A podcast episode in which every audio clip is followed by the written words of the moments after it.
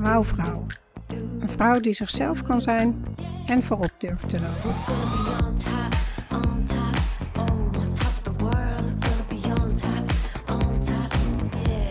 Welkom bij de podcast voor ambitieuze vrouwelijke leiders die dicht bij zichzelf willen blijven en leiden vanuit hun hart en intuïtie.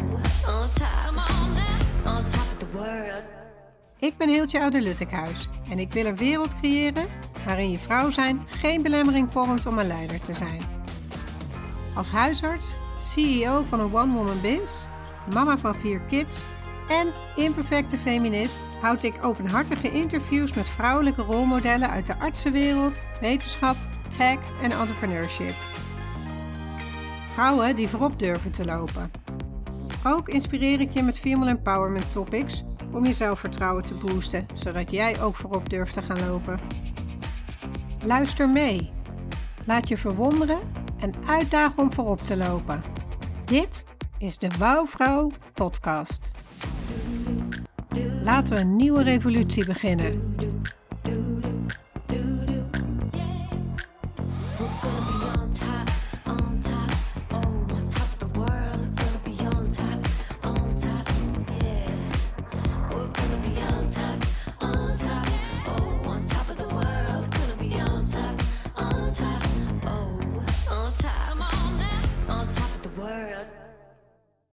Hey, welkom Saskia. Dankjewel, Hiltje. Leuk dat je er bent. Laten we maar meteen met wauw beginnen. Als een wauwvrouw. In hoeverre voel jij je een wauwvrouw?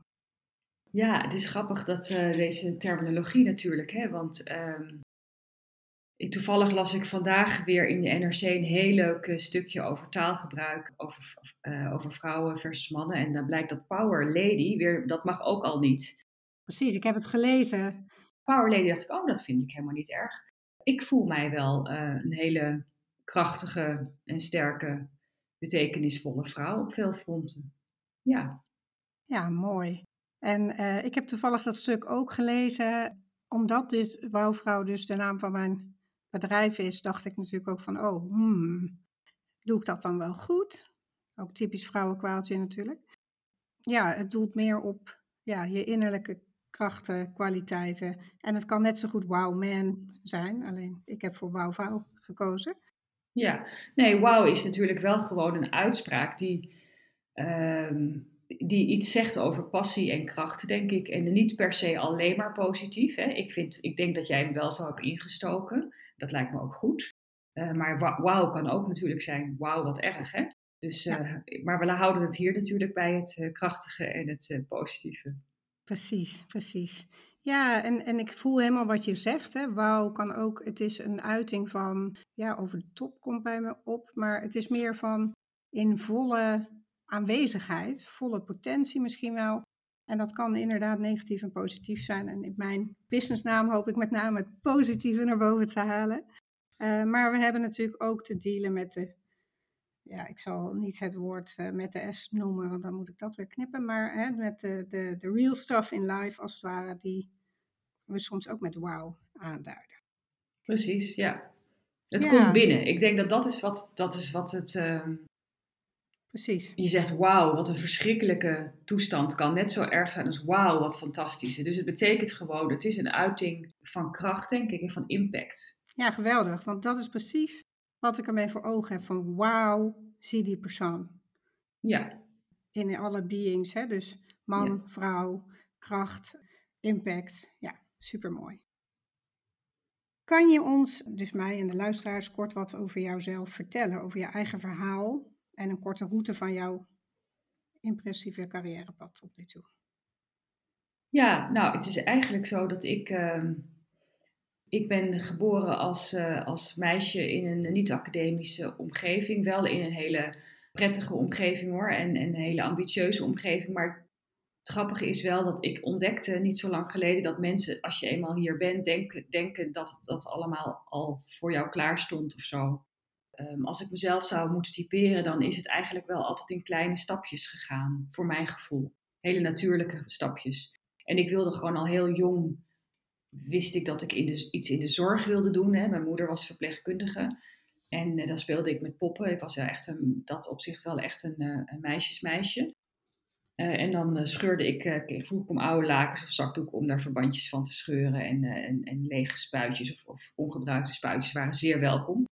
En op een gegeven moment zei mijn moeder wel, op ik, ik, in mijn beleving al was ik heel jong, zei ze, je kunt ook dokter worden. Dat was een enorme eye-opener voor mij. Ja. En dat weet ze zelf helemaal niet meer. Maar in mijn beleving was ik een jaar of vijf of zo toen ze dat al riep. Maar dat, dat is misschien niet, dat klopt dat niet. Maar dat is wel hoe ik het mij herinner. En dat was niet omdat verpleegkundige niet goed was, maar meer gewoon zo van, nou dat kan ook. En, en toen is dat zaadje eigenlijk uh, verder geplant in nog een hele kleine omweg van ik wil de wereld zien, dus ik wil stewardess worden. Dat was gegeven moment ook weer voorbij. En dus ik, ik had eigenlijk wel enorm geluk gehad dat ik al heel vroeg wist dat ik in ieder geval dit pad wilde bewandelen. Maar het is nooit mijn ambitie geweest om hoogleraar te worden. Uh, mijn ambitie was om een dokter te worden en dan wel een hele goede. Maar dat beeld van, van heel goed, dat viel niet samen met wat ik nu geworden ben. Dus, uh, dus, dus, en ik vind dat ook belangrijk, omdat uh, niet iedereen kan dezelfde dingen doen of, en hoeft dat ook helemaal niet te willen. En bij mij waren dat steeds stapjes die als het ware elkaar natuurlijk opvolgden. Ja, en je zei van, dit was niet per se het pad van de dokter dat ik voor ogen had? Nee, het is meer, dat, dus zeg maar, kijk, ik ben natuurlijk nu een internist en een hoogleraar en afdelingshoofd. Maar dat was helemaal niet het pad wat ik voor ogen had. Ik wilde gewoon een hele goede dokter worden. Ik was geïnteresseerd in de inhoud van arts zijn. En er zat ook echt wel iets, uh, we willen, ik wilde, wil de wereld helpen of de mensen helpen, hè, dat zat daarbij. Maar het heeft natuurlijk uiteindelijk, doe je dat, kan je dat op honderd manieren doen of al duizend. En, en dus die intrinsieke motivatie zat hem in de interesse in het vak. Fascinatie met, met ziektes en, en gezondheid en hoe het mis kan gaan en wat je dan weer kan doen. En ook, hè, ik wist ook niet dat ik internist wilde worden of zo, dus ik wilde gewoon een dokter worden. En dan had ik, dus, had ik niet een heel nadrukkelijk beeld bij anders dan, wauw, wat interessant. En dat wil ik dan natuurlijk wel heel goed doen, want ja, dat, zo zat ik altijd al in elkaar, zeg maar. Ja, dat is gewoon een, in, in, daar word je mee geboren, denk ik. Dat je graag het beste uit jezelf of uit dingen wil halen. Maar wat het beste nou precies was, dat was niet een doel. Eh, hoogleraar worden, onderzoek was helemaal geen doel. Sterker nog, onderzoek stond totaal niet eh, in mijn belangstellingssfeer. Ik wilde gewoon die goede dokter worden. Alleen gaandeweg kwam ik ermee in aanraking en merkte ik dat, dat mij dat uh, ook weer heel erg fascineerde, me goed afging. Dat ik erg genoot van de dingen die daar dan weer bij komen kijken. En zo is het eigenlijk ja, geworden tot, tot ja, van, van het een naar het ander. En zo lijkt het dus een heel erg uh, uitgestippelde route of zo. Hè? En dat is denk ik ook wat, je, wat jij een beetje met die podcast, hè? hoe ben je hier nou gekomen? Wat ik eigenlijk wil zeggen is, ik heb niet die stippen op die horizon gezet. Ik heb gewoon mijn pad, mijn pad gevolgd. En ik wist niet waar ik over vijf jaar zou zijn. Uh, of over tien jaar. Dat had ik ook eerlijk gezegd uh, niet kunnen bedenken. Dat zat helemaal niet in mijn denkraam toen ik 20 of 25 of 30 was. Nee, ja, dat snap ik inderdaad. Wat ik heel mooi vind in het stuk wat je mij nu vertelt, is als ik kijk naar mijn blik inderdaad hè, van Saskia Middeldorp, professor, eh, hoogleraar interne vasculaire geneeskunde. Ik heb jouw biografie natuurlijk gezien en dan lijkt het inderdaad een heel erg uitgestippeld plan, waarbij misschien mijn bril wel was van, oh, zou ze dat dan inderdaad zo uitgestippeld hebben? Terwijl ik je nu eigenlijk heel erg hoor zeggen van, ik kwam iets tegen en uh, ik luisterde naar wat ik daarbij ervaarde hè, of voelde. Ja. En het sprak me aan en ik ging daarin verder. Klopt dat? Nee, dat, zo is het precies gegaan. En uh, soms kijk ik ook wel eens uh, met verbazing, uh, als ik dat dan, dat klinkt misschien echt wel een beetje raar als ik dat nu zeg, maar doe het lekker toch. als, ik dat zo, als ik dat zelf zie, als ik mijn eigen cv zie, dan denk ik, denk ik eerlijk gezegd wel wauw. eerlijk gezegd. Ja. Maar het, het, um, het is veel, ja. Maar het is allemaal gewoon, het, het ging zo. Het is niet allemaal vanzelf gegaan voor de goede orde, dat we dat ook niet denken. Maar het was niet een uitgestippeld plan. Pas veel later, ik ben inmiddels 54, pas, ik denk een jaar of uh, vijf geleden of zo, misschien iets langer, dat weet ik niet zo goed, maar toen, toen werd dat ineens een dingetje van, ja, wat wil je nou eigenlijk? Eigenlijk al die andere dingen die, uh, die gebeurden, die, het is niet dat het me allemaal overkwam, want je pakt natuurlijk alles zelf aan en je moet het zelf waarmaken. En daar, uh, ik denk dat ik dat een talent is, dat ik gewoon ehm, wel de kansen maximaal heb kunnen benutten. Maar dat was wel altijd vanuit een eigen gedrevenheid. En pas, pas wat later merkte ik dat ik dacht van misschien is het ook wel een goed idee om eens echt even na te denken. En, en dat ook in wat gesprekken met, met een coach of met, met, nou ja, met je naasten uh, nog eens wat verder uit te diepen. Maar eigenlijk was dat heel lang helemaal niet nodig, omdat ik uh, voelde wat ik wilde doen. Het was gewoon een heel sterk gevoel van binnen. En ik denk dat dat is ook volgens mij iets wat jij in jouw podcast wil. Uh, en wat, waar het ook vaak over gaat, is van hoe, hoe blijf je wel bij jezelf? Ja. En dat is bij mij heel lang heel erg uh, van nature gelukt. Mooi. Ik probeer er een term aan te geven. Klopt het dan als ik zeg van dat je daarin je hart volgde? Of je Absoluut, gevoel? ja. Ja, je hart. Ja. ja. Nou, dat geeft mij namelijk meteen een heel mooi bruggetje naar mijn uh, vaste rubriek in deze podcast. Waar gaat jouw hart sneller van kloppen? Daarin ga ik jou een aantal dualiteiten voorleggen met als doel dat jij uh, zegt van die of die, dit of dat. En dat we, hè, eigenlijk als je soms in vriendenboekjes terugziet of op de socials tegenwoordig, dat we eigenlijk een soort van snel beeld krijgen van Ja. Saskia Middeldorp. Nou, ik ben benieuwd, kom maar door. Yes. Chocola of wijn? Dan toch wijn. Ja. Moest ik wel erg lang over nadenken. ja, dat mag. Hè? En je mag ook van je pad of van eh eigenwijs zijn en zeggen... Nou, ik zal je wel vertellen dat ik elke dag een chocolaatje eet, maar niet elke dag wijn drink. Maar Nou, toch, als ik zou moeten kiezen, zou ik de wijn dan kiezen. Maar niet elke dag. Mooi. En nog voorkeur voor rood of wit? Lichte voorkeur voor rood, maar, wij- maar goede witte kan ook heel goed zijn. Ligt een Ja. beetje aan de gelegenheid en het weer en zo. Ja, heerlijk. Herkenbaar. Boek of podcast? Boek. Hakken of sneakers? Sneakers. Thuis, hakken, buiten. Yes, mooi. Angela Merkel of Jacinda Ardern? Jacinda Arden. Quota of natuurlijke groei? Quota. Margriet of Linda? Linda. Mooi. Ik vond een heel oud stukje van jou namelijk in de Margriet. Eh, een beantwoord op een vraag van een... Vliegen en trombose, aspirintjes en trombose, denk ik. Zo- Precies, ja, ja, zoiets. ja. Ja. Nou, luister, ik doe niks, niks af aan de Margriet, want het heeft een geweldig bereik. Eh, maar ik lees graag de Linda. En ook Ja. niet elke maand, dat kan ik niet aan. Maar eh, ik koop bijvoorbeeld altijd een Linda als ik op eh, zomervakantie ga. Dat is dan, of op wintersport. Op vakantie, dan neem, ik- koop ik een- zo'n Linda. Verder lees ik hem echt bij de kapper. ja, leuk. Ehm, misschien een mooie eh, overstap. Hè? En dan gaan we dadelijk denk ik wat dieper in op de, eh, de vakspecifieke vragen of dat soort dingen. Maar eh, als we het dan hebben over vakantie, lezen, ontspannen. Je hebt een heel druk leven. Hoe, tenminste dat stel ik vast. Hè? Maar hoe, hoe zorg je dat dat in balans blijft tussen privé en werk? Hoe ontspan je? Kan je daar iets over vertellen? Ja, ontspannen is voor mij. Ik loop bijvoorbeeld heel graag hard. Eh, ik, ik ben graag eh, buiten. Dat lukt natuurlijk heel vaak ook niet, maar een, een goede wandeling of iets dergelijks. Ik ben ook graag onder de mensen, met, met, maar dan wel graag met mensen die me nastaan. Mhm. Ehm, en echt voor mij is, het gaat mij toch grappig genoeg niet echt om de uren, maar om of je die switch in je hoofd, of je het knopje in je hoofd om kunt zetten. Om dat werk even los te laten.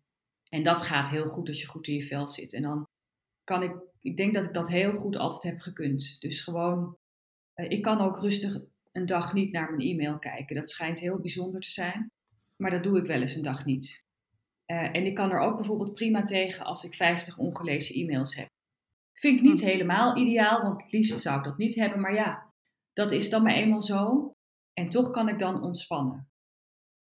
Mooi. Dus ja, hoe doe ik dat? Eh, weet ik niet. Ik denk dat dat wel een beetje een, eh, een, eh, een, ook een, wel een, een gave is. Maar je moet jezelf ook toestaan om, om gewoon even uit te gaan. Nou, echt ontspannen is voor sommige mensen bijvoorbeeld een middagslaapje doen op de bank of zo. Dat kan ik totaal niet. Dus ik sta, ik, ben, ik ben vrij eh, actief. Maar ik kan bijvoorbeeld wel heel goed dom lekker een avondje Netflixen. Met een glaasje wijn. Ja, Dus, maar, maar eigenlijk is mijn grootste ontspanning is toch ook wel echt wat doen weer met dat lijf. Wat een hele dag achter die computer zit. Of uh, ja, samen zijn, goede gesprekken voeren. Ja, ja. ja zeker.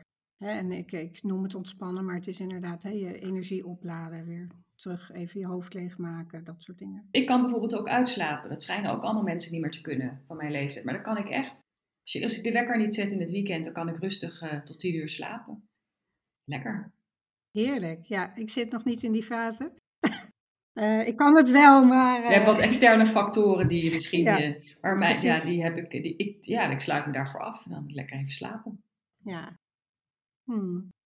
Ja, als je kijkt, hè, we hadden het net al even over dat je eigenlijk als kind al dat idee had van ik, wilde, ik wil dokter worden. Of nou ja, enigszins dus ook op weg geholpen door je moeder daarin. Dat dat ook kon. En eh, ik las ook ergens dat je voor het einde van je opleiding wel al wist dat je voor de interne wilde specialiseren. En zijn er momenten, uh, als je terugkijkt, wat waren dan bepalende momenten in, je, in jouw carrière of in je loopbaan? Nou, ik denk, um, als het gaat over welk specialisme, dan weet ik dat gewoon nog. Ik weet nog, bij, bij, bij, professor Freken uh, in de collegezaal, gewoon die lekkere ouderwetse klinische colleges met een patiënt die van alles had. Uh, ik kan mezelf die patiënt nog herinneren uh, dat, dat er zoveel dingen bij me in één patiënt samenvielen die me allemaal heel erg boeiden en die me ook wel um, zeg maar op persoonlijk vlak wat deden. In de zin van dat ik me die empathie met die patiënt voelde. En dan het vertellen toch wel echt als een spannend verhaal. Terwijl er natuurlijk gewoon daar een mens zit die dat allemaal moet doormaken. Uh, maar dat toen, ja, toen dacht ik, dit, dit is wel wat ik wil. Ik heb ook nog wel even aan kindergeneeskunde gedacht. Dus in mijn kooschappen uh, ben ik daar echt maximaal van genezen. Doordat uh, dat ik dacht, nou, de drie patiënten, de, die ouders en het kind, dat vond ik te veel. Ik heb ook nog wel gedacht, het tropen, want ik wilde graag reizen. Dus ik heb ook nog wel een, keer op eigen initiatief een kooschap gelopen in Nairobi. Daar was ik toen ook weer van genezen. Dus ik heb wel af en toe eens wat geprobeerd. En toen dacht ik, nee, toch niet. En, en natuurlijk is tropengeneeskunde iets anders dan interne, maar je kunt natuurlijk heel goed internist in de tropen werken. Nou, lang verhaal kort. Dus ik heb wel een aantal andere dingen zo mee gespeeld in mijn hoofd, maar ik kwam eigenlijk steeds weer terug. En een ander ding wat denk ik heel bepalend is geweest voor mijn onderzoekscarrière, is um, dat ik heb geluisterd toen, ik, dacht, zal ik nou um, Maagdarm-leverziekte leek me leuk. Dat leek me een mooie combinatie van uh, iets doen met je handen, scopiëren en dat soort ingreepjes en zo. Nou, zeg maar ingrepen tegen de maagdarm-leverdokters. En ik was ge geïnteresseerd dan in, in uh, de internistische kant er ook ervan, dus de inflammatoire darmziekte. Maar ik had eigenlijk uh, moeite om die, al die die stofjes die erbij kwamen. Ik, ik, wilde een stukje schrijven, ik moest een stukje schrijven tijdens mijn opleiding. Dus die hoogleraar met wie ik toen even een kort gesprek had van kan ik nou bij jou iets doen waardoor ik een stukje kan schrijven. Dat, dat ging helemaal niet in mijn hoofd, paste dat niet. Het waren te veel IL-nummertjes en CD-nummertjes op dat moment. En toen zei uh, iemand uh, uit mijn omgeving, die zelf een hele succesvolle carrière heeft, die zei, joh, het maakt helemaal niet uit wat je gaat doen. Je moet gewoon iets gaan doen. Je moet even kijken dat je fijn kunt samenwerken, dat je geïnspireerd wordt. En dan maakt het niet zoveel uit over welk onderwerp het gaat. Dus ga nou naar. En dat was uh, Harry Buller. Uh, die deed heel veel tromboseonderzoek. Uh, en dat was een hele praktische vraag. wat betekent factor 5 lijden wat voor het tromboserisico bij, bij families? Nou, toen dacht ik, oh, daar kan ik wat mee. Dat snapte ik meteen. En dat, dat, dat was heel toe, toegepast eigenlijk. En dat is van het een is het ander gekomen. Ja. Dus dat is een belangrijk moment geweest. Ja, en, en toen dat eigenlijk tijdens mijn opleiding uh, tot een promotieonderzoek uh, uitgroeide uh, en je dan enorm wordt gestimuleerd en ook echt wel, ehm, hij is belangrijk geweest omdat hij mij vaak naar voren schoof. Bijvoorbeeld voor presentaties kreeg hij een uitnodiging. Zei nou, het gaat over jouw onderwerp ja, weet je, als je dat gewoon niet goed doet, dan vraag je echt, vraagt hij de derde keer echt niet nog een keer. Hè? Dus daarom bedoel ik, het is een enorm voorrecht geweest. Maar ik heb natuurlijk ook toen al wel mensen gehad om me heen ja, ja, jij stapt op een rijdende trein. Dat vond ik natuurlijk toch altijd een beetje irritant. Maar het was natuurlijk ook wel weer zo. Maar ja, je moet uiteindelijk die, trein, die trein zelf uh, heel hard laten doorrijden. Dus ik heb wel heel veel um, geluk ook gehad hoor, met zo'n mentor. Die gewoon dacht van, oké, plenaire uh, lezing ga jij dat op, op de internetdagen, ga jij dat maar doen. En dan stond ik daar gewoon te staan en dat vond ik ook leuk om te doen. Uh, en dat, dat kon ik goed. En op die manier ben ik denk ik wel al heel vroeg in mijn wetenschappelijke carrière heb ik podium, uh, ben ik podia gaan beklimmen. En ja, dan word je gezien en als je dat steeds goed doet, ja, blijkbaar komt dan van het een het ander. Ja. Maar het is belangrijk, want ik, ik neem dat ook wel mee naar hoe ik zelf probeer mensen te begeleiden. Hè, door, uh, door ook junioren, is lang niet altijd vanzelfsprekend, maar kijk, je wilt natuurlijk aan de ene kant zelf graag credits krijgen voor wat je doet. En je wil zelf echt wel zichtbaar zijn. En dat heb ik echt wel, dat ik dat graag wil. Maar toch probeer ik er heel erg aan op te letten dat andere mensen het ook kunnen en, en mogen. En uiteindelijk pakken een heleboel mensen die kans ook helemaal niet. En dat is ook prima. Maar als je de mensen niet, de kans niet zelf geeft, ja, hoe moeten ze dan anders keer zichtbaar worden? Ja, want zichtbaar uh, worden is, is een belangrijke factor dus ook om gezien, ja, zichtbaar worden, gezien worden en daardoor ook meer kansen krijgen. Nou, zeker in de, in de wetenschap. In de wetenschap is het natuurlijk toch echt zo dat je, ja, dat je, dat je wel, hè, je kunt worden afgerekend op, op hoeveel je publiceert en, en allemaal andere, ja, toch een beetje kruisjes uh, achter je naam. En dat is belangrijk. Uh, althans, dat, dat is nou eenmaal zo. Dat is niet per se uh, leuk of zo dat dat zo werkt, maar dat is wel gewoon zo. Maar waar ik heel veel energie van krijg, ook merkte ik, is om dat uit te dragen, om, om uh, verhalen te houden over wat mij boeit en daar ook kennis over over te dragen. En ja, als je dat goed doet, dan, dan, dan brengt dat een enorm netwerk met zich mee. Want ja, dan word je daar gevraagd of daar. En je, iedere keer ontmoet je, ontmoet je weer nieuwe mensen. Dat, kan, dat is een enorme inspirerende uh, spiraal. Dus er wordt natuurlijk aan de ene kant vaak wel gezegd, het is heel competitief en, en dat is ook zo. Maar ik, ik ervaar vooral, um, en natuurlijk heb ik dat ook af en toe en dan moet je dat, dat moet gewoon, dat is gewoon zo. Maar ik ervaar vooral de lol in, in, uh, in al die, ik vind het fantastisch. Ik wilde vroeger graag veel reizen. Uh, dat had ik als klein kind uh, nooit gedaan. Uh, we gingen gewoon niet. Ik was niet verder dan Engeland en, uh, en Luxemburg gekomen. Dus dat was even de dingen die ik graag wilde. En nu combineer ik dat met inhoud van mijn werk. En uh, met, met enorm veel internationale en nationale netwerken. En, en ik, ik, ik hou van mensen. Dus ik geniet enorm van die, van die, van die onderlinge verbondenheid. Ja. En je, je zei net al even van, hè, ik probeer ook eh, de, de mensen die ik begeleid eventueel naar voren te schuiven, die kans te geven om op dat podium te klimmen, om dat te pakken. En dan zijn er mensen die dat doen en mensen die dat niet doen.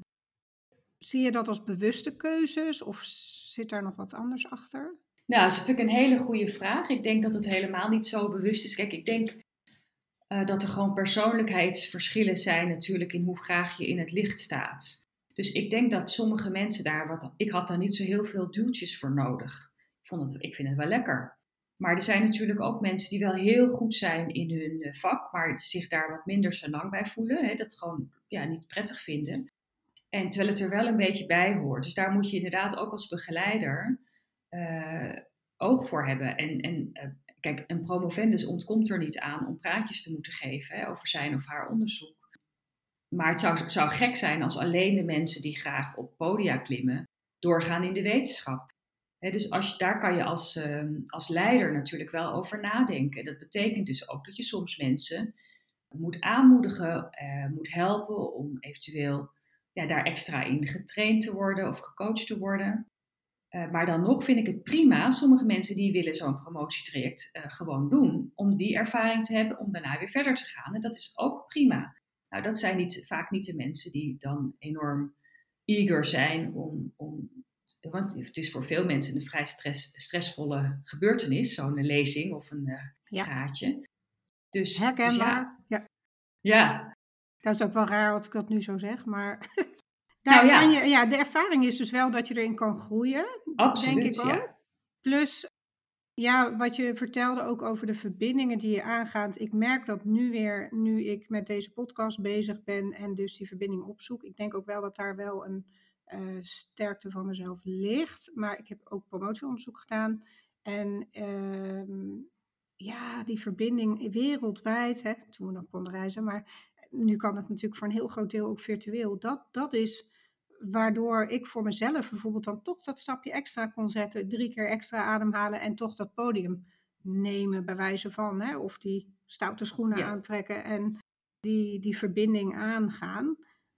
En de andere kant is inderdaad, als jij niet die behoefte zou hebben om de wetenschap verder in te gaan, hè, kan je ook zeggen van nou, ik hou me toch wat afzijdig. Alleen ik vind het heel mooi hoe je dat aangeeft, dat je dat als leider en begeleider ook ofwel bespreekbaar maakt of moet zien aan jouw mentee van, goh, je hebt net even dat setje nodig en misschien wordt het dan toch wel leuk.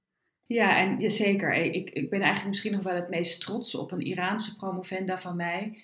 Die, nou, dit was echt een, een heel bijzonder uh, iemand. Die kwam uit Iran.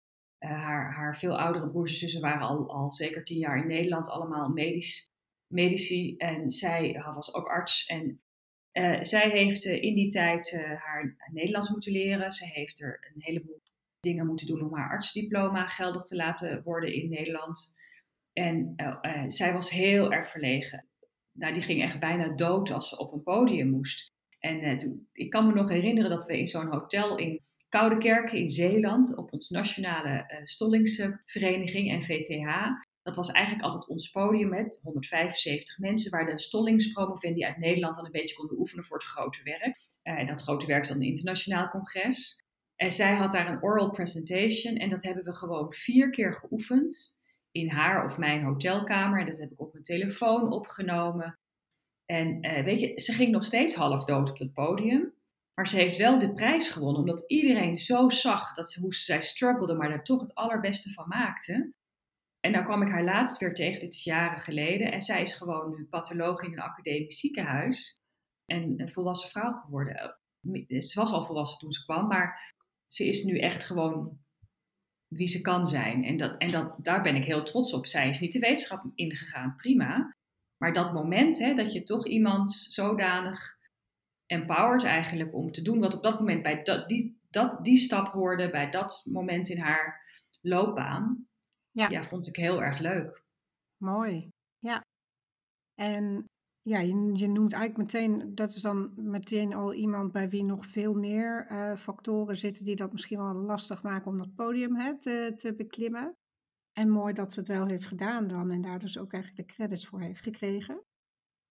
Als je dan kijkt naar eventueel misschien naar je uitdagingen op je eigen pad, hè, of toch ook naar de man-vrouw verschillen op de werkvloer te trekken, zie je daarin, uh, wat zijn dan uitdagingen die jij in jouw eigen loopbaan hebt ervaren of die jij ziet voor vrouwelijke leiders? Nou, ik, heb in het begin altijd een beetje gedacht dat het voor mij in ieder geval niet gold. um, omdat ik, dus ik was er nooit zo verschrikkelijk mee bezig. Tegelijkertijd ben ik wel uh, krachtig opgevoed met de gedachte dat uh, wij voor onszelf moesten kunnen zorgen, mijn zusjes en ik, ook door mijn vader die overigens zelf totaal niet kan koken, maar hij luistert toch niet naar deze podcast. Dus, dus gek genoeg een hele traditionele rolverdeling thuis en ook weer toch tegen je dochters, hè, dat geldt voor mijn moeder, maar dus ook voor mijn vader, roepen, zorg dat je nooit afhankelijk bent van een man, economisch, hè, het ging heel erg over geld, ja. en voor jezelf kunnen zorgen. Maar dat is denk ik wel een heel goed begin. We kwamen hierop wat ik tegen was gekomen. Hè. Ja, wat uitdagingen in het kader van je vrouw zijn in je loopbaan of op leiderschapsniveau? Nou, kijk, in, in de loopbaan allemaal geen gekke dingen. Alles is prima gegaan. Ik kwam gewoon in opleiding. Ik werd gewoon internist. Ik werd gewoon stal. Al die dingen gingen allemaal prachtig. Natuurlijk heb je dan onderweg wel dingen die, ja, die, die nu wat meer, MeToo-achtige dingen heb ik nooit heel naar zelf meegemaakt. Maar natuurlijk zie je altijd om je heen dat soort dingen wel gebeuren. Maar dat, heeft mij nooit persoonlijk uh, ik kon er wel verontwaardigd over zijn, maar ik heb mij nooit persoonlijk belemmerd in mijn carrière of, of, of anderszins. Pas eigenlijk veel later, dus hoe hoger de boom enzovoort, dan toen ben ik wel gaan zien dat het wel degelijk een heleboel gendergevoelige zaken kunnen spelen. En dat heeft dan te maken met eh, hoe jouw leiderschapsstijl wordt gekwalificeerd als je zeg maar directief bent. Dus dat een heel, ja, eigenlijk al die dingen hebben begonnen daar ook over. Dat stukje van ja. uh, Japke Bauma in de NRC, dat, heb ik, dat herken ik heel erg. Ik ben natuurlijk een vrouw die helemaal niet schuw is uh, en, en, en de aandacht niet uh, verschuwt. Die gewoon zegt als ze wat denkt. Ik denk, ik heb wat te zeggen, dus zal ik het maar zeggen. Ga ik echt niet diep over nadenken. Dat past bij mijn karakter. En dat zijn dingen die mij weinig problemen hebben opgeleverd vroeger, maar pas eigenlijk ja, een beetje in, naarmate je verder klimt, eigenlijk na het hoogleraarschap, pas af en toe wel terug is gegeven. En dat vond ik natuurlijk toch uh, vervelend en ook niet terecht. gaat dan over of jij ehm, of je veel aandacht wenst, of dat je ijdel bent, of dat je ehm, directief en top-down bent. Wel heel goed op de inhoud, maar niet een echte leider. Weet je, dat soort, dat soort dingen uh, zijn mij zeker ook uh, gebeurd, ja. Mm Ja, en aan dat stuk refererend, ik geloof dat ik het daar ook in las. Hè? Jij, jij hebt dat dus niet zo ervaren, maar wat er in dat stuk werd gezegd, als je dus wordt gezien als enthousiast en energiek in plaats van competent en doortastend, ja, dan word je misschien niet gepromoveerd hè? of kom je niet in die leiderschapsrol. Precies, ja, dat staat in dat stukje van Japke inderdaad. Ja, dus, dus het grappige is, ik, ik kwam bij een verhuizing eh, oude orters tegen en dan als ik dan bijvoorbeeld naar de, de, de idioot, dat, heb ik allemaal bewaard, zit allemaal in, in zo'n ordner, maar beoordelingen van je stages hè, werden vroeger met de hand geschreven voor de mensen die nu luisteren en alles in allerlei portfolio's uh, op je telefoon hebben zitten. En die kwam ik eens tegen en daar stond wel, daar, daar, daar ben ik dat eigenlijk niet tegengekomen, maar in mijn opleiding is er wel eens bijvoorbeeld uh, gezegd tegen mij, uh, op de intensive care was dat, was ik echt inderdaad best jong, de tweedejaars ANIOS of zo heette toen nog AGNIO. Uh, dus hoe oud ben je dan eigenlijk? 26 of zo, hè? En toen uh, stelde ik vrij veel vragen. Ik wilde natuurlijk, ik kwam, kwam daar ook om te leren. En dat werd uh, eigenlijk niet zo op prijs gesteld, want dat moest ik dan maar zelf opzoeken. Nou, dat kan natuurlijk te maken hebben met die persoon, dat hij dat ook tegen een man had gezegd. Maar op een gegeven moment werd mij verweten dat ik een wat te grote mond had voor de ervaring die ik had. En ja, weet je, toen heb ik dat niet eens ervaren als een genderding, maar als ik terugkijk, is dat denk ik wel zo. En ik heb toen ook nog gezegd, maar uh, hoe ervaren denkt u dan dat ik ben? Want dat was helemaal niet, nu is dat, weet je, hoor je dat te weten van de mensen die je begeleidt. Maar hij had geen idee. Maar weet je, het paste gewoon, het beeld past wat hij bij mij had. Een kleine vrouw, jong, ik zag er ook nog eens best jong uit. Uh, ja, die gewoon de mond open deed vragen stelde. En, en, en ik heb er natuurlijk wel van geleerd dat ik soms ook wel een beetje op mijn toon moet passen. Omdat ik gewoon ook moet realiseren, dat is wel een genderdingetje, uh, maar hoe mijn vragen kunnen overkomen. Dus we moeten niet alleen maar doen alsof het aan de anderen ligt. Ik bedoel, je, je kan er zelf ook dat van meenemen wat je, wat je kunt. En, en zonder dat je jezelf geweld aandoet. Dus ik heb, en ik heb later ook nog wel eens gehad, hè, de, ah, joh, je, je leert van alles tijdens je leven. Dus uh, dat je dan bijvoorbeeld, dat ik nu bijvoorbeeld probeer dat wat te verzachten door het even in te leiden. Ja, mooi. De rode lopertaal. Ja, zo, en uh, dat kan heel subtiel zijn hoor, maar uh, ja, en, en soms is het ook wel weer een beetje vrouwelijk hoor, door te zeggen misschien is het een beetje een onbenullige vraag, maar ja, weet je, daar kan je natuurlijk dan wel weer heel goed op letten. dat heeft iemand mij trouwens wel eens teruggegeven, dat ik dat te veel was gaan doen. Ja. Hè? Dus ik, ik ken dit uit een van mijn leiderschapstrainingen ook juist als een manier waarop we ons als vrouwen kleiner maken. Kleiner maken, ja. klein ja. Misschien mag ik even. Ja, het is natuurlijk de eerste keer dat ik dat doe. Zo hoorde ik mezelf uh, gisteren nog zeggen in een grote vergadering. Ja. Alleen, het is niet, ik vind het niet zo erg als het van mezelf komt. Als ik het niet doe om de anderen te pleasen, maar ook, ik vind ook best dat als je in een leiderschapspositie zit, mag je ook kwetsbaar zijn. Als het kan, is dat eigenlijk heel plezierig. Want het zou heel vermoeiend zijn als wij de hele dag moesten doen alsof we het allemaal wel weten. En ook naar patiënten toe. Eh, het grootste compliment eh, kreeg ik van iemand, ook notabene op een social media kanaal, omdat ik in een andere podcast had gezegd dat je gewoon soms tegen een patiënt moet zeggen dat jij het ook niet weet. En dat dat iets anders is dan iemand ja, zijn lot overlaten. Maar dat dat een, een juist heel krachtig kan zijn. Je moet natuurlijk wel een beetje leren hoe je dat doet. Maar dat is dicht bij jezelf blijven. En dat geldt dus ook als je wel zo'n actie onderneemt. Als je wel zoiets zegt. Alleen, uh, ja. Ja, ook in, in feedback geven kan vrij direct zijn. Uh, dat dat, vindt, vinden sommige mensen onplezierig. En uh, als dat jouw doel in de weg staat, dan zul je het ook een beetje bij jezelf wat moeten doen. Ja, ik herken dat wel en het komt ook wel voort. Hè. Het heeft, is tweeledig, denk ik, van enerzijds wil je dat die ander als het ware wat zacht landt in jouw verhaal, feedback, hè, um, wat dat is. En soms helpt dat door het dus iets zachter of kleiner te maken. En de andere kant is dat het dilemma wat je hiermee probeert te voorkomen, denk ik, door dit soort woordjes te gebruiken, is er zit altijd het probleem dat we als vrouwen niet, daar is onderzoek over, niet gezien worden als uh, likable, dus aardig en competent. Dus of je bent een ja, bitch, ja. of je bent aardig. En eigenlijk kan het dus niet bijna anders gezien nee, worden. mensen raken, ik, ik, ja, ik heb me dat door een mannelijke coach laten vertellen, dat mensen zonder dat ze zich daar bewust van zijn, gewoon in de war raken van een beeld wat ze van iemand hebben, een vrouw.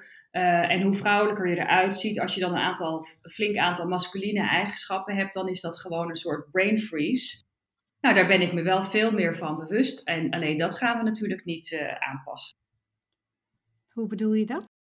Nou, ik ga natuurlijk nu niet een of andere als een man eruit zien of zo, weet je, omdat ik een paar uh, wat masculine eigenschappen heb. Ja, nee, nee. Ik blijf dicht bij mezelf. Alleen ik ben, ik, het is wel handig om je dat te realiseren.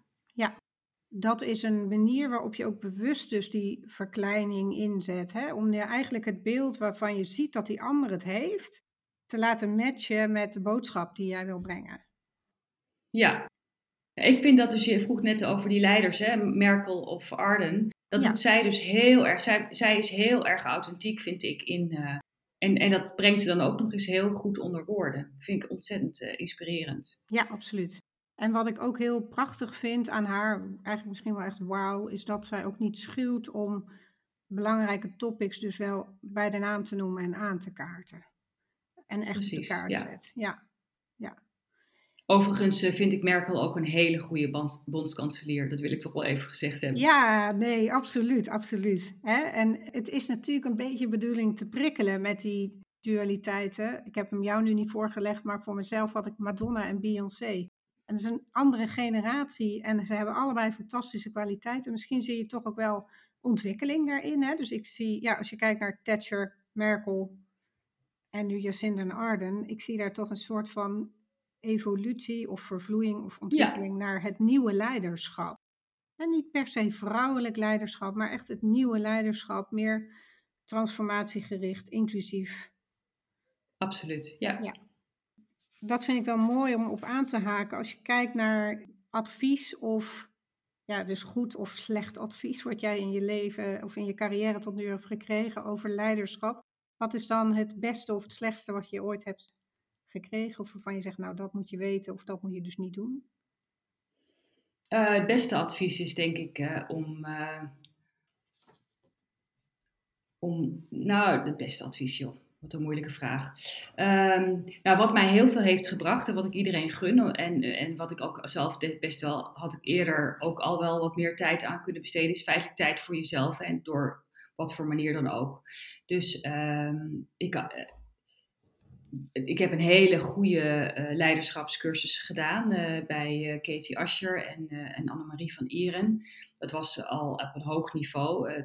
dat heette dan ook voor topvrouwen. Dan, uh, bijna al vind ik het gênant om het uit te spreken, maar dat is natuurlijk helemaal niet gênant. Het was een, uh, was ontzettend goed programma waar ik ook nog eens uh, zeven andere topvrouwen aan heb overgehouden. er zijn natuurlijk wel momenten geweest daarvoor dat mensen zeiden, joh, dat zou je eens moeten doen. Maar dan dacht ik altijd, maar daar heb ik helemaal geen tijd voor. En dat is uh, iets uh, waarvan ik denk, nou dat is sowieso al veel beter dan vroeger. Hè? Je mag tegenwoordig gewoon zeggen dat je, ik heb nu ook een coach, die, nieuwe baan praat ik toch één keer in de vijf weken, ongeveer anderhalf uur uh, over mijn werk. En daar komen natuurlijk toch ook wel persoonlijke aspecten aan bod. Maar die leiderschapscursus heeft mij heel veel gebracht. De vraag is, heb ik hem nou te laat gedaan? Nee, natuurlijk niet, want ik bedoel, hij is altijd goed.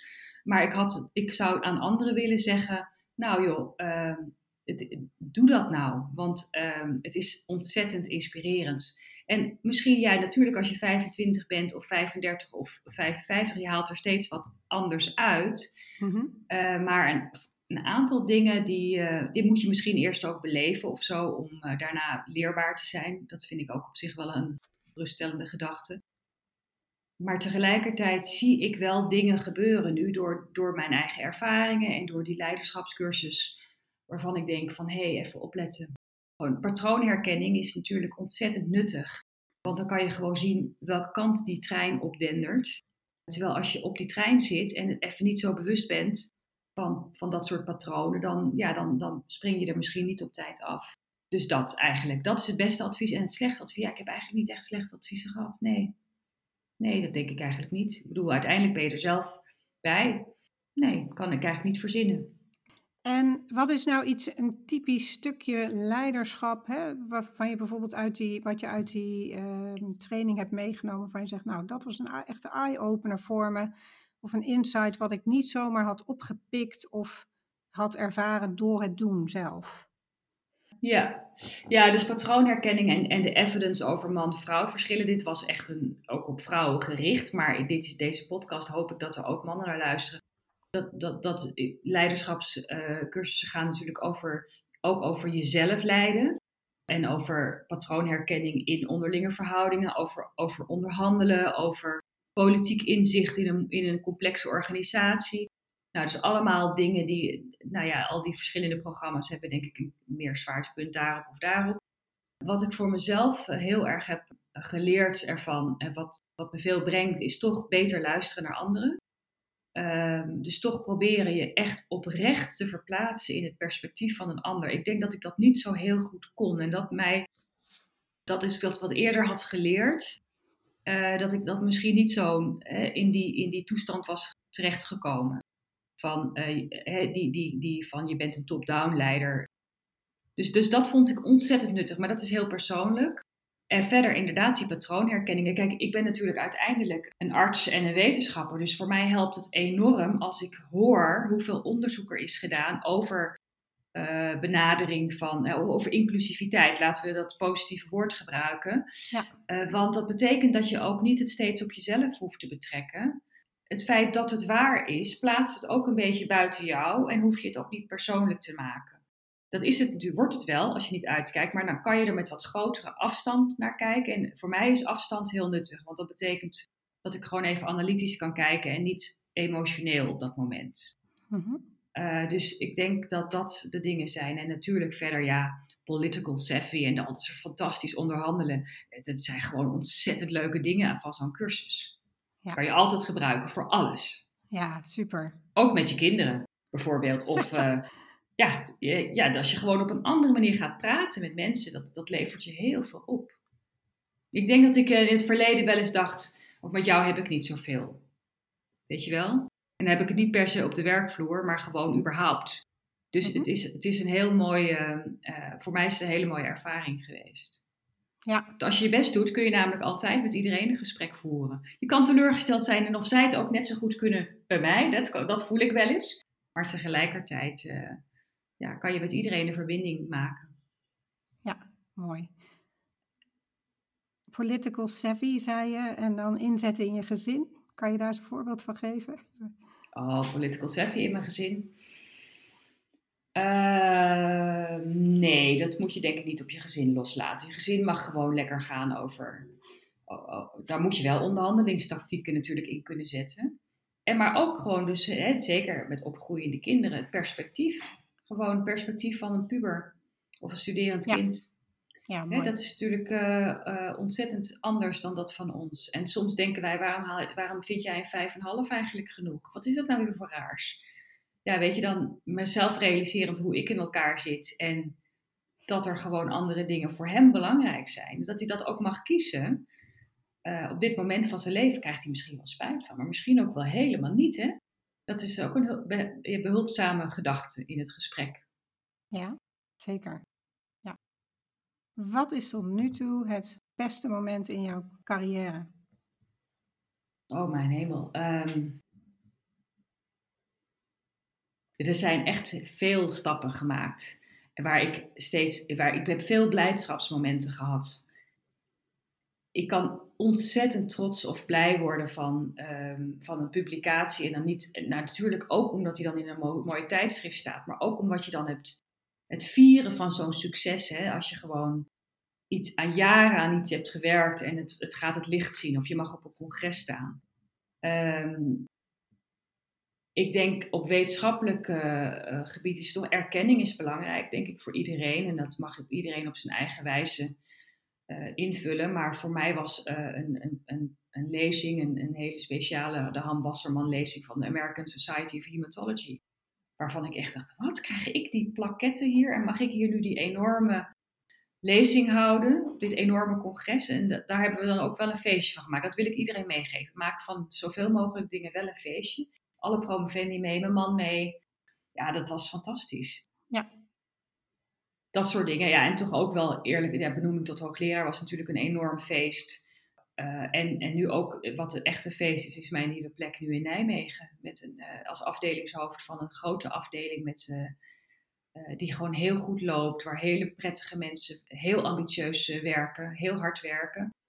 En waar de sfeer gewoon heel goed is. En, en men mij blij is dat ik die rol wil hebben. Dat vind ik heel, heel, ja, ook heel erg mooi. Maar je kan, ik, één, dus net zoiets als trouw is de mooiste dag van je leven. Ik, ik mag toch hopen dat we meer mooie dagen in ons leven hebben.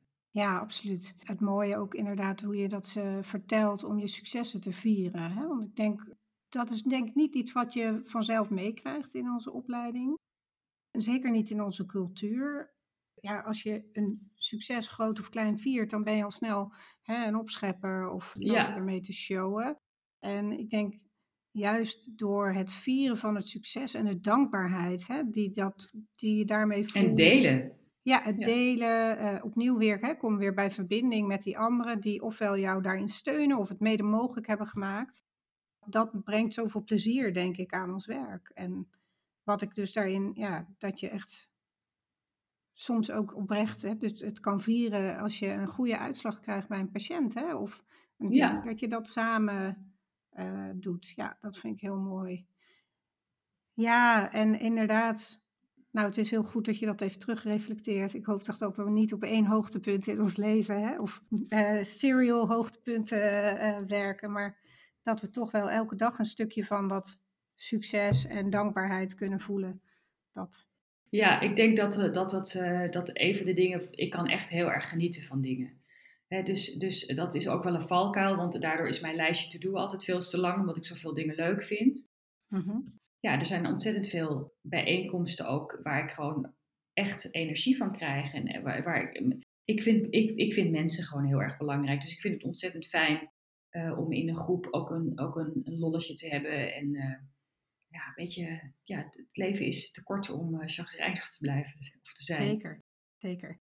En heb je nog een tip eventueel hoe je dus dan, als je zoveel dingen leuk vindt en kan, hè, want in een van de eerdere eh, eh, andere podcasts kwam ik tot de conclusie toch wel dat artsen heel vaak multitalenten zijn. Dus je hebt heel veel dingen die je kan. Waarschijnlijk ook heel veel dingen die je leuk vindt. Wat kan daarbij helpen of wat heeft jou geholpen of helpt jou met kiezen? Nou, ik vind het eh, best lastig om nee te zeggen, maar dat moet je dus echt leren. Want je kunt niet alles doen ik kan goed focussen, maar ik kan ehm, niet zo heel goed nee zeggen tegen dingen die ik echt heel leuk vind. Dus dat moet je heel bewust gaan doen. Uh, en uh, dat kun je ook eigenlijk best op een hele plezierige manier doen. Hè? Ook daar kun je weer kijken of je dingen kunt doorgeven aan iemand die daar wel weer met hernieuwde energie of daar die tijd wel voor kan maken. Ik kreeg vandaag de vraag om voor trombose-overlevers iets te vertellen over zwangerschap en trombose. Nou, daar heb ik gewoon hoezeer, en het gaat me zo aan het hart, hè, dit zijn mensen die hebben forum opgezet, et cetera. Ja, dan, dan denk ik, dat wil ik eigenlijk doen, maar nee, nee, nee, wacht even, dit kan. Nou, in dit geval, een van mijn promovendi die heel veel onderzoek hierop doet, die kan dit doen en dat doet ze fantastisch. Weet je, en dus dat, dat, dat moet je leren. Um, ja, ik, uh, heb, ik leef met 50 ongelezen e-mails en, uh, en zo blijft het allemaal net in balans. Maar het is wel een uitdaging en zeker mensen die mij ondersteunen, die zeggen ook wel eens, uh, zullen we dit een keertje niet doen? Dus soms vraag ik dat ook. Dan zeg ik gewoon, uh, vraag ik aan mijn, mijn secretaresse van, dan geef ik hem een kleurtje en dan zitten we elke dag even een half uurtje samen of iets korter. En dan zeg ik, Sandra, wil jij zeggen dat ik dit gewoon even niet moet doen? Dat vind jij toch? Dan begint ze namelijk heel voorzichtig en dan, oh fijn als jij dat nou zegt. Dus, dus ja, zo doe ik dat. Dus ik ben een grote luxe positie. Maar ja, je kunt gewoon niet alles doen. Nee, nee. Maar we kunnen meer dan we denken. Dat wil ik ook wel zeggen. Want als we dan toch nog heel even terugpakken op mannen en vrouwen. Ja. Dan zie je dus dat vrouwen de neiging hebben om alleen maar dat te doen waarvan ze zeker weten dat ze het 110 of 150 procent helemaal goed krijgen, afkrijgen, et cetera, voor de deadline. Dat doe ik allemaal niet. Hè? Ik, ik laat deadlines lopen. Uh, dan denk ik, ja, weet je, dus, dus ik ben, denk ik, dat bedoel ik met masculine eigenschappen. Ik zeg niet dat mannen alles sloppy doen, helemaal niet. Maar ik denk wel dat het een, uh, dat is dat verhaal van een, die vrouw die met, met, met, vier poten, die denkt, zoeken een schaap met vijf. Nou, ik heb er geen vijf. En die man met drie, die denkt, die twee groeien nog wel even eraan. Dat is natuurlijk een beetje een flauwe beeldspraak. Maar dat gebeurt natuurlijk wel heel veel, ook in sollicitatie- en selectiegesprekken. ik ben dus van het soort dat af en toe gewoon een steekje laat vallen en denkt, sorry. Ja. Maar dus daardoor wel heel veel extra dingen doet. Ja, vind je dat terug te voeren op perfectionisme? Ja, uh, ja en dat zeker. En uh, ja, er zullen mensen zeggen dat ik een perfectionist ben, maar ik vind zelf dus reuze meevallen, want anders kon ik niet leven met die 50 ongelezen e-mails. Precies, hè? maar ja, dat, er is natuurlijk. Het perfectionisme heeft vele vormen en, en maten, denk ik. Het belemmert mij niet, laat ik het zo zeggen. Nee, nou ja, je laat je er niet, ook niet door belemmeren, hè? dus je bent er ook bewust van. En, en dat is ook wel, naar mijn idee, ook iets wel wat je kan trainen, hè? waar je mee kan leren leven. Hè? Dus begin met tien e-mails bij wijze van. Hè? Of het, inderdaad een dagje niet kijken of een uurtje niet in je mail kijken of zoiets. En daarmee kan je jezelf wel vooruit helpen daarin. En, en, en het andere stuk wat je aankaart, hè, is dat vrouwen de neiging hebben om zich uh, pas als ze 100% weten dat ze qualified zijn voor de job, hè, of dat ze het kunnen, het gaan aanpakken. Ja. Ja, ik denk dat wij deels in onze opleiding, hè, zeker als AIOS, wel leren dat dat niet gaat. Dus dat je soms dingen moet doen, ook als je niet 100% gekwalificeerd voelt. Uh, ik wil ook nog niet zeggen dat je het niet bent, hè, maar uh, dat je daar een deel van mee leeft. Maar het kan je heel erg tegenhouden als je er niet bewust van bent. Ja. Zeker. Ja, en wat ik dus ook probeer, uh, nadrukkelijk nu ook in deze rol, en daarom is het zo mooi dat ik nu weer een andere rol heb, of positie, is dat ik ga proberen natuurlijk ook met die blik te kijken naar talent. Uh, dus, uh, en, en, ik zeg ook wel eens, uh, als er weer eens heel weinig vrouwen zitten in, tussen de sprekers, um, dan zeg ik ook, ja jongens, zet mij dan in, die, in, die, in dat, dat, dat comité, want ik heb een heel lijstje op mijn telefoon met vrouwen. Want dan zeggen ze doorgaans, ja, we hebben er acht gevraagd en er konden er maar twee. Ja, soms moet je gewoon ook even bellen en zeggen, hallo, ik heb je echt even nodig. En, en dat, is geen, dat is niet een vies woord, hè? daarom ben ik wel voor quota. Um, vrouwen moet je soms echt even in hun voorzorg bevestigen dat zij de ideale sprekers zijn. Of, of zo, of waar het ook over gaat. En uh, dus ik denk ook als je recruiter bent, wat ik totaal niet ben, uh, dan moet je dus iemand misschien drie keer bellen. Uh, en drie gesprekken voeren. Eh, met een vrouw, eh, iemand met veel vrouwelijke of feminine eigenschappen, dan, dan, dan met iemand met veel masculine eigenschappen. Dus, en zo probeer ik dus ook te kijken naar het team. Van ja, waar zit eigenlijk het verborgen? Je kunt niet alleen maar uh, mensen hebben die de hele dag op het podium willen klimmen. Je hebt al die andere mensen ook nodig. Waardeer dat met elkaar, dat is heel belangrijk. En kijk ook of er mensen zijn die in zo'n belemmerende situatie zitten. En, die, en dat, dat zie ik wel wat vaker bij vrouwen die misschien dat extra steuntje in de rug nodig, die extra pep talk nodig hebben van joh, hou eens even op, je bent gewoon heel goed in wat je doet. Ja. Uh, en ik, of als ze het nog nooit gedaan hebben, ik weet zeker dat jij het kunt. Want dat weet je namelijk zeker, dat weet ik dan ook zeker. Met mijn, uh, met mijn blik weet ik dat op dat moment ook zeker. Ja. Ja, dat is wel een mooie, inderdaad. Um, ik, ik had ook een gesprek met iemand ook om te interviewen voor deze podcast. En die zei, oh ja, ben ik dan eigenlijk ook een soort rolmodel? Ik zei, ja, want hè, dan vroeg ik jou niet. Dus ja, zo kan je, en dat, daar zijn we ons niet altijd van bewust. Ik denk hè, op alle niveaus kun je een rolmodel zijn. Ja, absoluut. Ik ben helemaal geen rolmodel voor een, voor een 19-jarige student geneeskunde. Tenminste, ik, ik hoop het niet voor haar, want dan, dan stel je voor dat hè, het zou mooi zijn als het lukt, maar stel je voor dat het niet lukt. Dus waar het, waar het volgens mij om gaat, is dat je in je, in je eigenschappen, dat je in je, in je, je, je waarden, dat je, daar, dat, je daar, dat je dat voor jezelf duidelijk hebt. Wat vind jij belangrijk? En daar kun je natuurlijk je rolmodel bij uitkiezen. Maar ja, probeer een beetje een rolmodel voor de komende vijf jaar te hebben. En niet voor iemand die, die, die 30 jaar ouder is of zo. Uh, dat mag wel, prima. Maar het, het is handiger, denk ik, om dichter bij je eigen fase in je carrière te kijken. Ja, want je kunt het helemaal niet allemaal uitstippelen. Wie zegt dat, dat ik niet morgen onder de bus kom? Of, weet je, of dat er in je gezin iets akeligs gebeurt waardoor je andere, andere keuzes maakt. Dat zijn allemaal dingen die je niet kunt plannen. En het leven is gewoon toch niet planbaar. Nee, dat klopt. Ik vind dat mooi. Het sluit ook aan bij wat je zei van hè, mijn carrière is eigenlijk, het lijkt wel heel uitgestippeld, maar het is echt in kleine stapjes gedaan. Terwijl als je aan jouw begin van je carrière bent en je kijkt naar Saskia Middeldorp een stuk verder op de carrière, dan lijkt dat overweldigend. Hè? Terwijl wat jij zei, ja, toen ik er was, was het ook niet van ik ben over tien jaar daar, hè? maar in die kleine stapjes. En dat vind ik wel mooi, inderdaad, hoe je dat verwoordt. Dat je rolmodel hè, of een voorbeeld uitzoekt wat aansluit bij jouw fase in je leven en in je carrière. Ja, en dan op waarde en op, op ambitie. Uh, en dan gewoon haalbaar, haalbaar op dit moment in jouw leven. Mm Ja. En hè, als ik weer even terugpak op leiderschap. Wat, want daar, daar hebben we het ook over in deze podcast. Wat zijn voor jou de kwaliteiten van een goede leider? Iemand die. Um, ja, ik ben wel van het dienende leiderschap. Hè, dus uh, uh, ik heb deze baan nu willen nemen omdat ik zelf het niet erg vind om een stapje terug te doen. Dat klinkt heel erg uh, contra-intuïtief, maar dat is het niet. Doordat ik deze baan als afdelingshoofd ben gaan doen, weet ik ook dat ik wat minder onderzoek kan doen. Ik kan mezelf niet klonen. Dus het is voor mij, dit lijkt een stap omhoog en dat is het natuurlijk wel ook, maar het is ook tegelijkertijd meer dienend. Dus uh, ik denk dat, dat ik dat mooi vind, als je dus jezelf ja, ondergeschikt kunt maken aan het belang van de mensen die je moet leiden. Ik vind verder dat een goede leider heeft oog voor teamsamenstelling en inclusiviteit.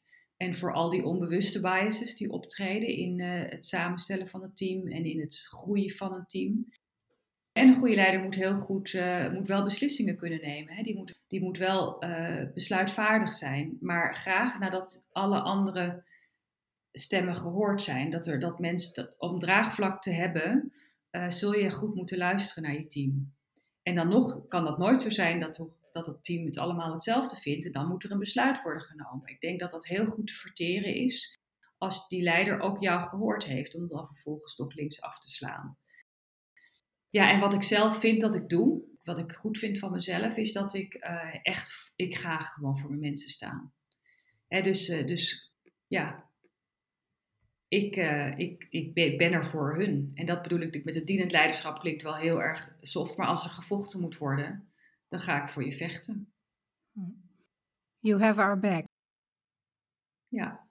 En ja, we hebben wel eens eerder gesproken natuurlijk uh, in aanloop naar dit interview over die unconscious bias en ja, dat dat er is. Wat, wat zou er naar jouw idee mogelijk zijn of moeten gebeuren om, om dat om te keren of daar iets in te veranderen? Nou, door unconscious meer conscious te maken, dat is denk ik gewoon echt wel mogelijk. Door daar aandacht aan te besteden, het uit de lacherige sfeer te halen. Er moet vooral gelachen worden, hè, maar niet weglachen. Begrijp je wat ik bedoel? Ja. En ik denk dus dat um, we hebben het ook even over quota gehad. Uh, we, er is best wel veel uh, psychologisch onderzoek gedaan. Hè, dat als er een minderheid is en die is kleiner dan 30% in een groep, dat je eigenlijk altijd een minderheid blijft. Dus ik denk dat even los van of het om vrouwen gaat, of dat, dat, dat, dat hele begrip van inclusiviteit is natuurlijk heel veel groter dan dat. Um, maar dus ik denk dat, je daar, dat, je, dat we het op die manier moeten veranderen. En soms betekent dat dus ook door bijvoorbeeld in het Radboud UMC, waar ik nu werk, is er een heel programma voor werknemers met workshops over unconscious bias. Die zijn heel breed. Ja, je zou natuurlijk als leidinggevende toch mensen dat kunnen eh, verplichten als ze het niet vanzelf gaan doen. Hè? Dat is onpopulair. Maar toch, de, en er zullen altijd mensen wel in een paar zijn die in verzet gaan. Maar ik denk dat een beetje redelijk mensen, ja, je ogen gaan toch gewoon open. En als we het polariseren, zoals je natuurlijk op de social media ook wel ziet, als je uh, dan, dan, dan, dan bereiken we niks. Dus ja, ik denk toch met empowerment door kennis. Ja, ja absoluut. En net als het goed is dat er al die evidence is dat als je team diverser samengesteld is, dat de uitkomsten verbeteren. er, is, er zijn natuurlijk zoveel, uh, en ik zit helemaal niet in die tak van sport, dus ik kan heel, als je me dit over trombose vraagt, kan ik je vertellen wie dat wanneer had gepubliceerd, met welke naam en in welk tijdschrift. Dat heb ik niet, maar ik heb dit wel allemaal uh, meegekregen in die leergangen. En sindsdien valt mijn oog er ook veel meer op. Als dit soort dingen wel op, op het journaal komen of in de krant staan, dan heeft het natuurlijk wel mijn extra belangstelling. Ja. Nou, en dat, ik vind het wel mooi inderdaad van de unconscious bias bewuster uh, maken door inderdaad, we komen weer naar zichtbaar, hè, maar om het zichtbaar te maken. Ja, als je de olifant in de kamer ziet, hè, dan, dan is hij er inderdaad. Hè, dat, dan zie je het overal. En daar geloof ik ook in. Ja, mooi om te horen dat er dus inderdaad zo'n initiatief is waarin in zo'n grote organisatie dus ook al de werknemers daar bewust van worden gemaakt. Ja. En wat ik me even zelf indenk, ik heb een uh, link ergens waar je volgens mij zelf, zelf een test kan doen naar je eigen unconscious bias. Hè, waar je, je uh... Ontzettend leuk hoor, die zou ik ook zelf, ik heb ze zelf natuurlijk nog steeds. Weet je, het gaat, het, dit houdt natuurlijk niet op bij een cursusje of zo. Hè? Dus uh, of een leergang. dus het zou leuk zijn om die te delen. Ja. Ja. Um, ik had eigenlijk bedacht om als vraag ook te stellen van waar sta jij over vijf jaar? Maar nu ik weet dat je dat niet uitstippelt, is dat een beetje... ja, precies. Ja. Eh, dat weet ik echt oprecht niet. Ik ben net begonnen aan deze baan. En uh, ik, dit doe ik niet om... Uh, kijk, dat is heel, wel een leuke vraag hoor. Want uh, mijn vrienden uit het bedrijfsleven, die, die, toen, ik, toen ging het natuurlijk over, het is helemaal in Nijmegen. En ik, voor de mensen die het niet weten, ik reis dus, dus op en neer. En ik, nou ja, dus, dus het heeft ook wel wat impact op mijn, uh, mijn persoonlijke leven, die baan. Maar dus, dus, dus toen zeiden mijn vrienden, ja joh, maar dat is toch, over, ga je toch over vijf jaar weer wat anders doen? En toen, toen dacht ik, oh ja, we zitten echt weer in een andere wereld. Dat is in het bedrijfsleven, ja, gewoon deze baan doe ik niet, dat heb ik nu niet gezegd, dat ga ik voor vijf jaar doen. Het is echt wel een commitment aan die afdeling, aan dat ziekenhuis. En uh, tegelijkertijd is er natuurlijk een, een uh, beweging om, uh, om sowieso die lange die benoemingen te verkorten. Dat, om, om zeg maar ook vers bloed, et cetera. maar over vijf jaar verwacht ik dat ik nog lekker zit waar ik nu zit. Mooi, ja. Dus dat durf ik dan toch wel weer te zeggen. nou, blij dat ik het toch gevraagd heb. Ja, ik denk wat ik nog wil aanstippen daarbij is wel dat ik het mooi vind om het zo te bekijken, omdat we erg leren in, onze, in ons cultuur, in ons systeem, in de medische wereld, dat wat we nu doen of gaan doen, is voor heel lang. Ik bedoel, je wordt. En het is soms lastig om dat beeld los te laten, want dokter word je voor je leven. Dat, dat geloof ik. Of je nou wel of niet je registratie hebt. Of, hè, ik, voor mij voelt dat zo en zie ik dat zo. Ongeacht wanneer en hoeveel patiënten je, ziet of blijft zien. Of de neventaken die je doet. Maar ik weet nog, uh, als je dan moet kiezen voor je specialisatie, dat, dat, dat voelt heel eng, omdat dat ga je de rest van je leven doen dat maakt het soms ook heel groot. Dus misschien als we onszelf af en toe wat toestemming kunnen geven van, nou, je hoeft het niet voor nu, voor de rest van je leven te bedenken, maar je mag. Dat zou jonge mensen geweldig helpen, hè? Ja, ja. Om een beetje van die, die, die grote pressure af te nemen. En ook het andere al wat je eerder al aanhaalde, om aan te sluiten bij je waarde, uh, wat voor jou belangrijk is en daar goed naar te kijken.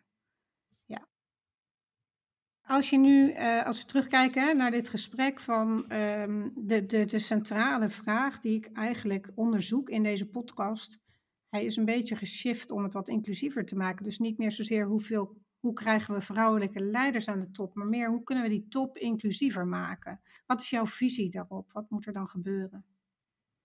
Nou, ik denk dat uh, er gewoon heel erg uh, op inclusiviteit moet worden ge, gescout en dat je dus wat langer moet zoeken zodat er meer diversiteit aan de top zit.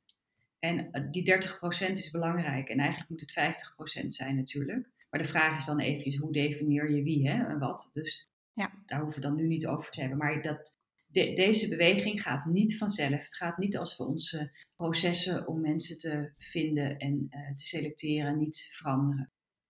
Uh, dus dat betekent dat je gewoon uh, moet zorgen dat er voldoende er zijn meer dan voldoende, laten we het toch even over de vrouwen, er zijn meer dan voldoende talentvolle vrouwen in die uh, in subtop, zeg maar. Uh, alleen uh, de vraag is, worden ze ook allemaal weer een tandje naar boven gehezen en komen ze allemaal in het licht te staan, zodat ze allemaal dus een goede kans hebben om geselecteerd te worden. Dus dat betekent in mijn ogen een quotum slash positieve, ehm, positieve actie. Mhm. Klinkt beter dan discriminatie. Ja, absoluut. Ja, en ik hoor wat je zegt. Is er nog iets wat je als vrouw, denk je, zelf dan daarin kan doen? Dit blijft benadrukken. Dus ja. uh, als ik word, uh, als, even, even los van, hè, de, los van, van de, de, de posities in het, in het ziekenhuis. Als ik gevraagd word, dan vraag ik tegenwoordig wie zijn de andere sprekers. Ja. mannen zeggen heel vaak als zij alleen maar in een, in, in, van in een men, zo'n panel zitten, alleen maar men-only panel, dan zegt ze ja, ik wist het niet. Ik wist niet wie de andere sprekers waren. Laten we daar eens mee beginnen. Ja. En wat ik zeg, ik heb dat lijstje in mijn telefoon. Als ik een goede vrouw iets hoor vertellen, bam, ken ik er niet. Goed verhaal, zet ik op in mijn telefoon. Oh, mooi, ja. Ja, nou en dat is inderdaad hè, zichtbaar maken waar vrouwenstemmen of andere minderheden uh, gemist worden hè, of niet komen. Dus ja. Dat, uh, ja, en dat is wel enerzijds natuurlijk de, de actie dat de vrouw zich misschien niet helemaal gekwalificeerd voelt om het verhaal te houden. Anderzijds misschien dat de organisatie iets meer zijn best moet doen om de geschikte vrouw te vinden. Absoluut. Ja, ja zeker. Um, ik durf bijna geen uh, moeilijke vragen meer te stellen. Maar um, als je een dier was, welk dier was je dan? Ja, die, die vraag had je me gelukkig van tevoren voorgestuurd. Want ik heb, daar heb ik echt mee geworsteld. Uh, want ik ben niet zo van de dieren. Ja, dat klinkt heel ongezellig. Maar um, en ik dacht uh, eerst dat ik dan een uh, kat zou zeggen. en dan natuurlijk een poes. En waarom had ik dat nou bedacht? Ik dacht, nou, omdat ik van mensen hou. En dat houden die, die dieren ook. En ze willen altijd op je schoot, ook als jij dat niet wil. Um, en tegelijkertijd zijn ze heel doelgericht en gefocust als ze een vogeltje willen pakken of zo. En ze zijn best wel snel als ze willen. En ze mhm. kunnen ook lui liggen. Dus dat vond ik eigenlijk wel mooi. Maar ik denk toch, en dat had ik, heb ik pas bedacht tijdens dit gesprek, dat omdat het woord knokken en vechten toch, hè, dat, doe, dat is wat ik doe voor mijn mensen, dat, dat zou Lewin misschien toch nog wel beter zijn. Dus eigenlijk ook katachtige natuurlijk. Doe maar een Lewin. Een Lewin, hartstikke mooi. Wat uh, heb ik niet gevraagd of gezegd wat toch nog op de tafel moet komen? Niks. Nee. Is goed zo. Mooi zo. Ja. Even nog terug voor de verbinding. Hoe kunnen mensen jou vinden als ze, denken van, goh, wat een interessant interview. Ik wil Saskia Middeldorp blijven zien, uh, willen volgen. Wat is het beste plekje daarvoor? Nou, ik gebruik Twitter als social media heel gefocust. Ja. Uh, over trombose, over onderzoek op dat gebied, maar ook uh, en af en toe ook voor patiënten en ook over dus nou toch wat feministische onderwerpen. Um, dat is denk ik, dat is, dat is mijn medium. En LinkedIn, ach, dat, dat doe, daar ben ik ook op te vinden, maar daar doe ik eigenlijk niet zoveel mee. Oké, en wat is je Twitternaam? Middeldorp S. Middeldorp S, ja. En op LinkedIn vinden we je gewoon als Saskia Middeldorp. Ja hoor. Oké, prima. Heel erg bedankt en tot later. Graag gedaan. Het was een... Uh, ja, enerverend gesprek, maar leuk om te doen. En uh, ook altijd goed ook weer om even zelf stil te staan bij al die dingen die je eigenlijk gewoon doet. Ja, let's start a revolution. Are you in?